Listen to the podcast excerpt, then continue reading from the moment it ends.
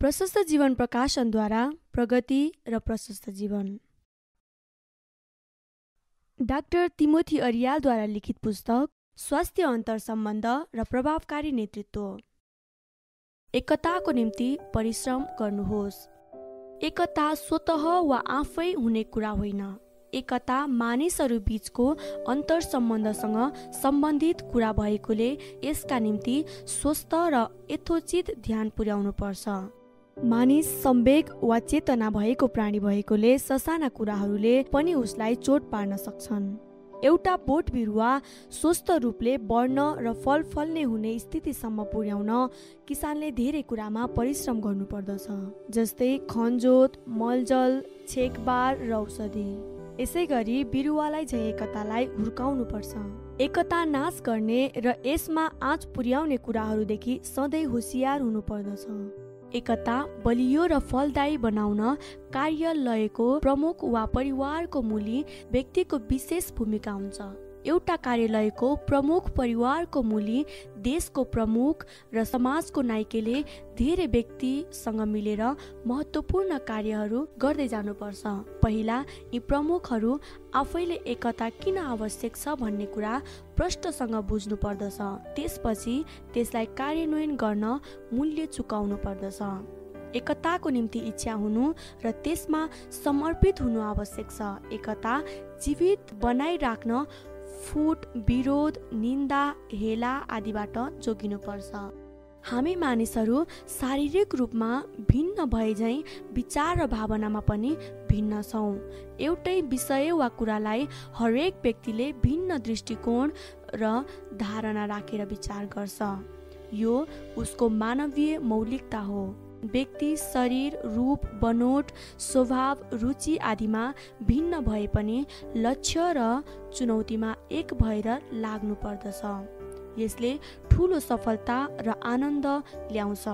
एउटा कार्यालयको निर्दिष्ट लक्ष्यमा पुग्न त्यहाँका विभिन्न स्तरका कर्मचारीहरू एउटै मनको भएर लाग्नु पर्दछ। अरू कुरामा विभिन्न दृष्टिकोण भए पनि लक्ष्य बोझ विश्वास र धारणामा एउटै मनको भएर अघि बढ्नु पर्दछ अनि मात्र नेतृत्व सफलतापूर्वक अघि बढ्न सक्छ। यदि आफ्नो भन्दा अरूको दृष्टिकोण फरक छ भने त्यसलाई आदर साथ सुनेर विचार विमर्श गरी सम्झौतामा आउनुहोस्। आफ्नो लिडे ठिप्पी अर्थात् मेरो गोरुको बाह्रै टक्का भन्नु हुँदैन। असल र कुशल लिडरले फरक दृष्टिकोणलाई पनि मिलाएर समस्या समाधान गरी अघि बढ्छन्। एकता मनोहर कुरा हो। एकता असल छ। नैतिक रूपमा सुहाउँदो फलदायी र सुगन्धित हुन्छ। विभाजन फुट र अनेकता दुर्गन्धित र कमजोर हुन्छ। एकताले शीतको काम गर्छ अर्थात् शीतले झैँ हराभरा ताजा सुन्दर र वृद्धि गराउँछ। अनेकताको बिउ रोपेर त्यसलाई बढाउन पानी हाल्ने व्यक्ति खराबीको प्रतिनिधि हो। एकताले ठुलो आनन्द र सफलता ल्याउँछ। एकता कायम राख्न गर्नुपर्ने कार्यहरू। स्वार्थी अथवा अहङ्कारी भएर कुनै काम नगर्ने र नम्र भएर एउटाले अर्कालाई आदर गर्न सिक्नु पर्दछ। एउटाले अर्काको भलाइ र उन्नतिमा ध्यान दिनुपर्दछ एउटाले अर्कासँग आफ्ना गल्तीहरू स्वीकार गरी क्षमा माग्ने र त्यसलाई पूर्ण नदोहोऱ्याउने निर्णय गर्नुपर्छ। एउटा अर्काको अधीनमा बसेर आफ्नो काम कर्तव्य पुरा गर्नुपर्छ। बेला बेलामा सँगै बस्ने छलफल गर्ने घुम्न जाने जस्ता गतिविधिद्वारा व्यक्तिगत भिन्नताहरू थाहा पाउनु पर्दछ अनि एउटाले अर्कालाई झन बढी प्रेम गर्न थाल्नु पर्दछ चाप लुसी र निन्दा एकताका बीच हुन्। अरूलाई आदर गर्न सिक्नुपर्छ। अरूलाई सहयोग र सेवा गर्न थाल्नु पर्दछ ठुलो पदमा रहेको व्यक्तिले गल्ती स्वीकार गरेर क्षमा मागेको खण्डमा त्यसले ठुलो परिवर्तन र विजय पाउँछ। यसकारण लाज नमानी यो काम गर्नुपर्छ। ठुलो पदमा भएको व्यक्ति झन नम्र हुनुपर्छ। घमण्डले पतन गराउँछ तर नम्रताले उच्च पार्छ।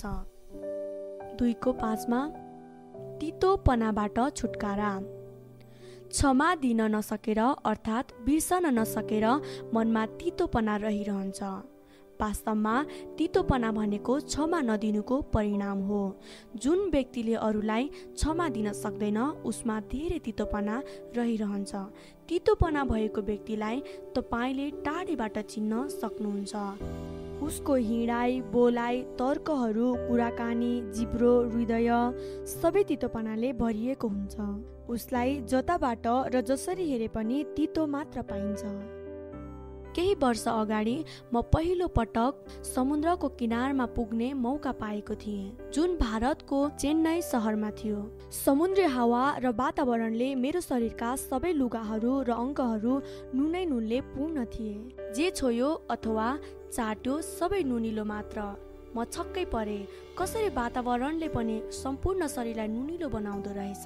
ठिक यसै गरी तितोपना बोकेको व्यक्ति जताततै तितो मात्र व्यक्त गर्दै हिँड्छ। उसले धेरै अरूको दोष देख्छ। अरूका गल्ती र भुलहरू कोट्याउन खप्पिस हुन्छ। अर्कोतर्फ उसले आफूलाई असल धर्मी चरित्रवान अरूबाट ठगिएको हेपिएको आदि पुष्टि दिने तर्कहरू अघि सार्दछ। अरूको गल्ती देख्न सजिलो छ तर आफ्नो गल्ती नि आफ्नो जिउको मुडो नदेख्ने अरूको छेसको देख्ने के यो ढोगीपन होइन? जब मानिसले आफ्ना गल्ती र भुलहरू स्वीकार गर्छ तब उसलाई मैले अब पूर्ण त्यो गल्ती गर्दिनँ भनेर क्षमा माग्न सजिलो हुन्छ। यस्तो पश्चातापी हृदय भएमा सुधार र प्रगति हुन्छ। तर पनि यस्ता पश्चातापी र दोषी भावनालाई हीनता बोधको भावनाले स्वीकार गरेको खण्डमा मनोवैज्ञानिक समस्याहरू सुरु हुन सक्छन्। अरूले हामीप्रति गलत व्यवहार वा हाम्रो अपमान गरे भन्ने ठानेमा तितोपना उत्पन्न हुन्छ। आफैले गरेको गल्ती स्वस्थ प्रकारले स्वीकार गर्न नसक्दा हिंता उत्पन्न हुन्छ। यसरी तितोपना अरू व्यक्तिसँगको अन्तर सम्बन्धसँग सम्बन्धित छ। अरूले हामीप्रति गलत व्यवहार गरेका छन् भन्ने कुरा कुनै वास्तविक हुन सक्छ भने कुनै काल्पनिक पनि हुन सक्छ। हाम्रो नाता सम्बन्ध नजिक भएका मानिसहरूसँग सम्बन्ध बिग्रन पुग्यो भने तितोपना झन धेरै हुन जान्छ जस्तै परिवारका सदस्य आफन्त मिल्ने साथी आदिले कुनै कुरामा चोट पारेको खण्डमा धेरै तितो हुन जान्छ। तर यही कुरा नचिनेको वा टाढाको व्यक्तिले गरेको खण्डमा हामीले स्वीकार गर्छौँ बुझ्छौँ र मन बुझाएर कुनै तितोपना राख्दैनौँ। आफ्नो परिवार वा नजिकका व्यक्तिसँग मानिसले मनमा तितोपना राखिरहन्छ। रुखको जरा जमिनभित्र लुकेर तल तलसम्म फैलिएको हुन्छ। यो जरा कहाँसम्म फैलिएको छ हामी आँखाले देख्न सक्दैनौँ। हाम्रो मानवीय आँखाले नदेखे पनि रुखको जरा जमिन मुनि चारैतिर फैलिएको हुन्छ। त्यही जराबाट रुखले आफूलाई चाहिने सम्पूर्ण तत्त्वहरू लिने काम गर्दछ।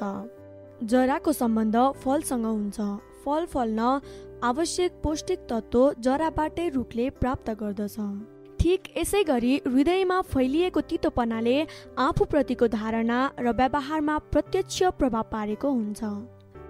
हृदयमा तितोपना छ भने उनको बोली वचन र व्यवहार स्वत तितो हुन्छ। तितोपनाले मानिसलाई भित्रभित्रै सडाउँछ र सम्पूर्ण जीवनलाई खराब दिशातिर लैजान्छ।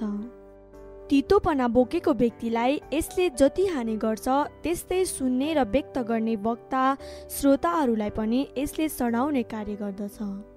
सुनेको तितो कुराले अरूका बारेमा झन् झन् नकारात्मक धारणा बन्दै जान्छ। घृणा दुश्मनी र निन्दा चारैतिर बढ्दै र फैलिँदै जान्छ। अरूको गल्ती सम्झनु कोट्याउनु दोहोऱ्याउनु र तडपिनु तितोपना हो।